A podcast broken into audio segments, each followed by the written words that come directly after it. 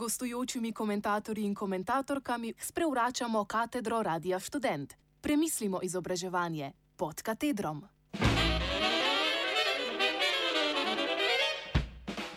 Predpostavke o visokem šolstvu.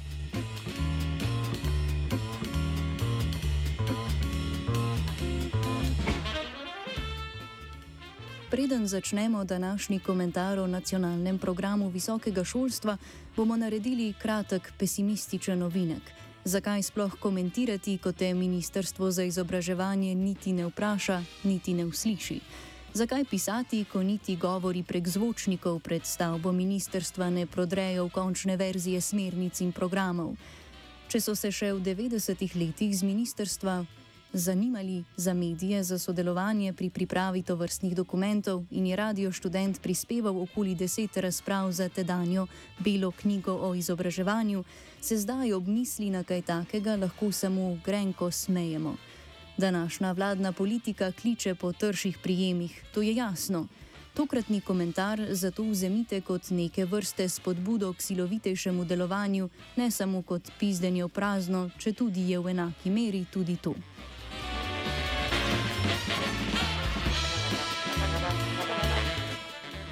Torej, nacionalni program visokega šolstva.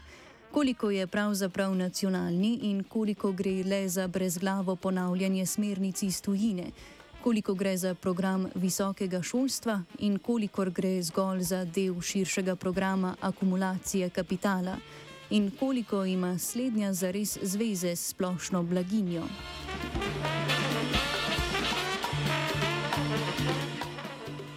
Sodeč po vodu v sam program, je ta v prvi vrsti del izpolnjevanja vloge Slovenije znotraj Evropske unije. Kakšne so aktualne prioritete Evropske unije, je denimo razvidno iz Bele knjige o prihodnosti Evrope, katere se lahko spomnite iz ene od številnih razprav, ki jih je predsednik Borut Pahor v letu 2017 imel v predsedniški palači na temo raznih smernic.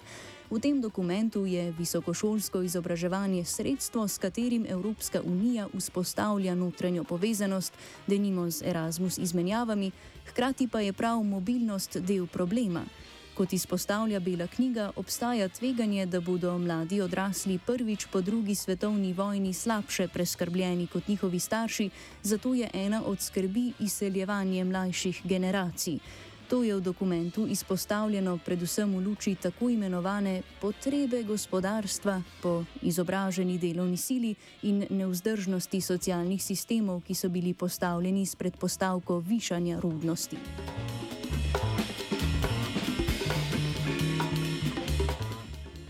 Če tudi evropski dokumenti še dajajo določeno težo socialnim sistemom, se nacionalni program visokega šolstva že desetletja naslanja tudi na priporočila OECD, organizacije, ki v prvi vrsti prodaja iluzijo, da sta hkrati mogoči svoboda trga in svoboda posameznika kot da ne gre pravzaprav za podrejanje večine posameznikov tega sveta za voljo svobode kapitala, ki se vlaga tja, kjer je najdobičkonosneje in ne tja, kjer ga družba dejansko potrebuje. Svoboda kapitala obstaja neposredno na račun svobode ljudi. Za brezkrbno potujoči kapital imamo davčne oaze, za begunce pa centre za tujce.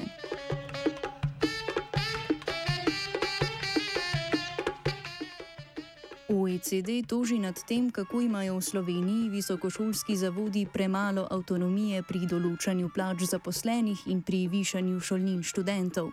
Priporočajo uvedbo šolnin na rednem študiju in zadolževanje revnih družin. O kreditih in voucherjih za študij so študenti poslušali že vsaj od preloma tisočletja dalje, pa se to v Sloveniji še ni razširilo toliko, kolikor se je napovedovalo. Vseeno pa univerze redko zamudijo priložnost, da nabijajo tako imenovane prikrite stroške študija. Po uvedbi plačljivega doktorskega študija so se začeli kopičiti drugi stroški, kot sta uvedba obveznih plačljivih računalniških programov za študij in nižanje števila brezplačnih izpitnih rokov. Ne na zadnje je Univerza v Mariboru letos začela zaračunavati vsako višanje ocen, drugod že zdaj velja omejitev na zgolj eno brezplačno zviševanje na letnik.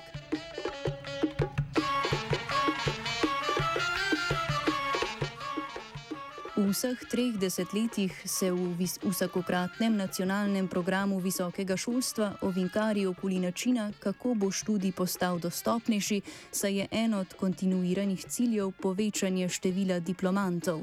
Ne zaradi osebnega razvoja, družbene blaginje ali česa podobnega, ampak zaradi potencijala, da više izobraženi ljudje proizvedejo več inovacij, ki bodo povišale profitno stopnjo, torej dobičke.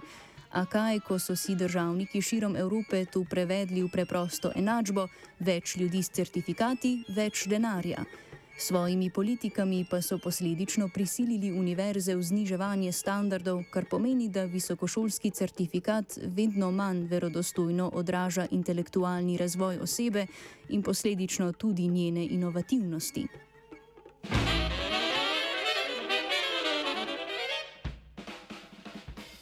Da bi se spopadli s tem padcem kakovosti, so uvedli tako imenovane evalvacije kakovosti.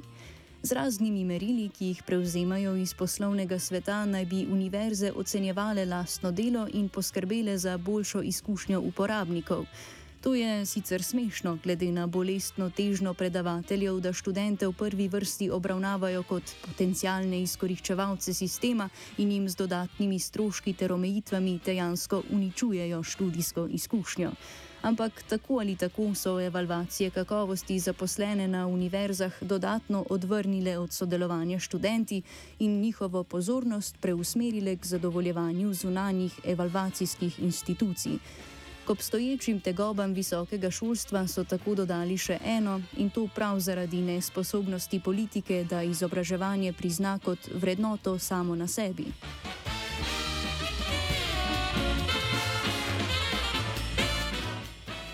Visoko šolstvo, evropska in državna politika vrednoti denimo glede na to, kako dobro izpolnjuje operacije v sklopu operativnega programa razvoja človeških virov. Ključna usmeritev razvoja človeških virov pa je, navajamo, ulaganje v ljudi, katerih človeški kapital bo zagotovilo za večjo stopnjo inovativnosti, zaposljivosti in gospodarske rasti in tako za najboljši način za večjo zaposlenost in socialno vključenost, za zmanjšanje regionalnih razlik in za visok življenjski standard. Avtori teh dokumentov in poslanci, ki na tej podlagi tvorijo politike, verjamejo, da blaginja izhaja neposredno iz gospodarske rasti, ne da bi pomislili na pomen redistribucije proizvedenih dobrin in dobičkov, kaj šele enakosti pri upravljanju s produkcijskimi sredstvi samimi, s čimer se potreba po poznejšem prerazdeljevanju zmanjša.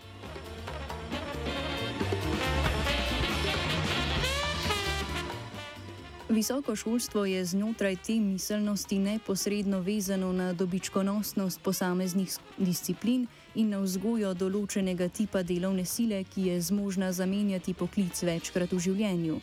Delavke in delavci naj bi se prilagajali potrebi kapitala, ki se plemeniti enkrat v tej, drugič v oni panogi, odvisno od tega, katera je v nekem trenutku najdobičkonosnejša ne pa glede na to, kaj so denimo potrebe prebivalstva. Če tudi je za postoriti veliko, ko pogledaš okrog sebe in pomisliš na stanovanja, ki se morajo zgraditi, na opustošene gozdove, ki se morajo obnoviti, zato ni delovnih mest. Zakaj? Ker gre samo za bedaste dolgoročne potrebe prebivalstva, ne pa kratkoročne partikularne želje lastnikov kapitala.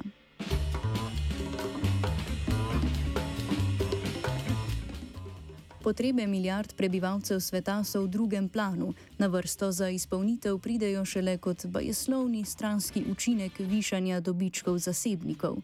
In temu prodajanju megle državniki in celo del strokovnjakov za izobraževanje nasedajo, kljub temu, da redistribucija po zasebljenih dobičkov ni nikoli izrecen del številnih smernic, niti ni del uradnih politik. Nasprotno, te, vedno, te se vedno bolj gibljajo v smeri nižanja davkov najbogatejšim in krčenja socialne države. Obljuba blaginje kot samo umevne posledice višanja dobičkov je v najboljšem primeru začasen stranski učinek, ki po nekaj ciklih začne razpadati, skupaj s tem pa je vloga visokega šolstva v tej kolobociji kot nekaj plemenitega, čisto zavajanje.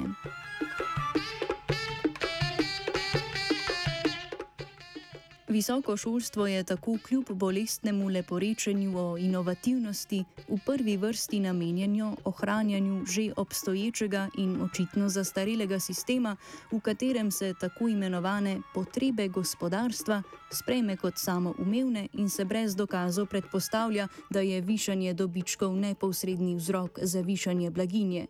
Namesto da bi uvedli vsaj nekatere spremembe socialne države, tako da so prispevki in davki progresivnejši, torej da več vzamejo bogatejšim in dajo preostalim, je visoko šolstvo padlo pod neuprašljivo zapoved po akumulaciji kapitala za vsako ceno, celo za ceno visokega šolstva samega.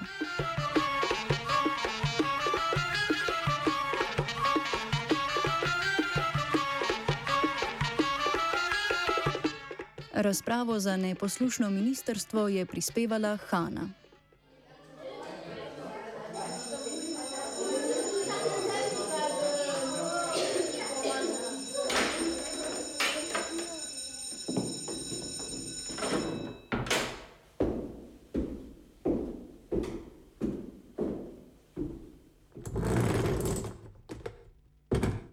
Z gostujočimi komentatorji in komentatorkami sprevračamo katedro Radia Študent. Premislimo izobraževanje pod katedrom.